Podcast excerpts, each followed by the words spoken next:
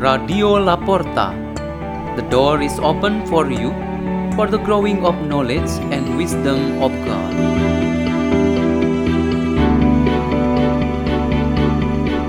Delivered by Simona Surya and Nandi Susilo from St. Peter's School in Jakarta, Indonesia.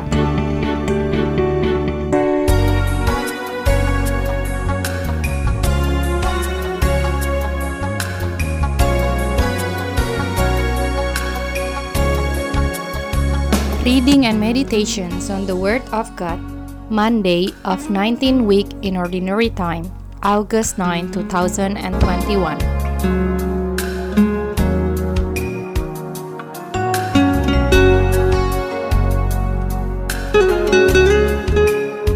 The reading is taken from the Holy Gospel according to Matthew 17 verses 22 to 27.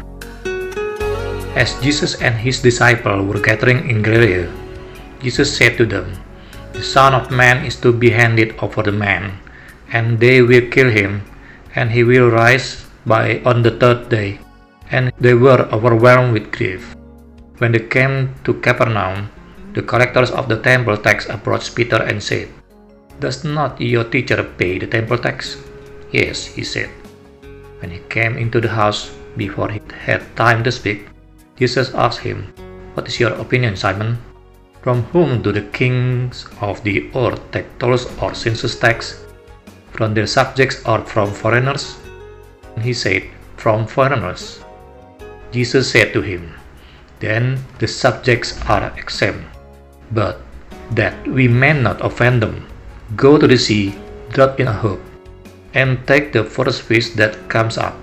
Open his mouth, and you will find a coin worth twice the temple tax. Give that to them for me and for you. The Gospel of the Lord.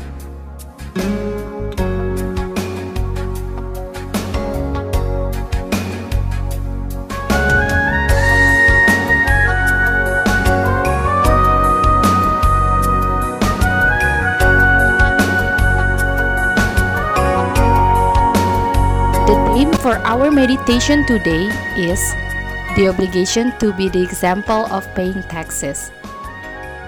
One of the important things for us to know from the gospel reading today is about Jesus and his apostles paying taxes to the country. This time, Jesus teaches us about such obligation to be observed by every member of society. Jesus of Nazareth was not only a spiritual leader and teacher, but also a public figure and a private citizen of his day. When there was an interview about the importance of paying taxes with honesty and responsibility, the Minister of Finance of the Republic of Indonesia was saying that the citizens who love their homeland and their nation certainly fulfill their obligation to pay taxes. Their rights to live and work, which are protected by the state, must be in line with their obligation to pay taxes. The use of the taxes is for the funding of education, health, physical and mental development of the nation. Salaries for state officials or public servants and all other state budgeting. Such a situation occurs in any country in the world. The very usefulness of taxes, for example, to finance education and health, especially for the lower middle class, is more or less the same as the vision and mission proclaimed by Moses to the Israelites. He emphasized that all of God's goodness and mercy had been obtained in their lives from time to time, and so they were obligated to practice justice to help the poor and little ones, namely widows, orphans, and strangers. There are at least two points from Jesus' teaching that we can learn from the today's gospel. First is about the obligation to pay taxes based on the work done in the community or society, which is profitable and related to the involvement of other members of the society. Jesus and his apostles realized that this was so evident with regard to his public ministry. So their work became the real object of taxation in society. Jesus told the apostle Peter to take the money and pay taxes for them both. The second point refers to the public ministry of Jesus and his apostles that had made them so special. They were considered popular teachers and public figures. So they must be the models in the obligation to pay taxes. Jesus did this so as not to become a scandal to many people. Anyone who becomes an important figure must be an example in doing good namely in this regard to pay taxes for the nation.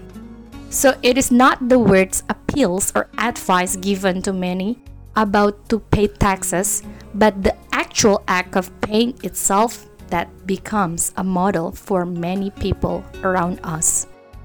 Let us encourage ourselves to grow more and more in the awareness of our obligations to pay taxes to the state. Let's pray. In the name of the Father, and of the Son, and of the Holy Spirit. Amen. In your hands, dear Father, we want to place the fate of our lives, especially today. May our lives as individuals and family become today an atmosphere of peace and mutual support for our good relationship from one to another. Glory be to the Father, and to the Son, and to the Holy Spirit as it was in the beginning, is now, and ever shall be, world without end. Amen. In the name of the Father, and of the Son, and of the Holy Spirit. Amen. Radio La Porta. The door is open for you.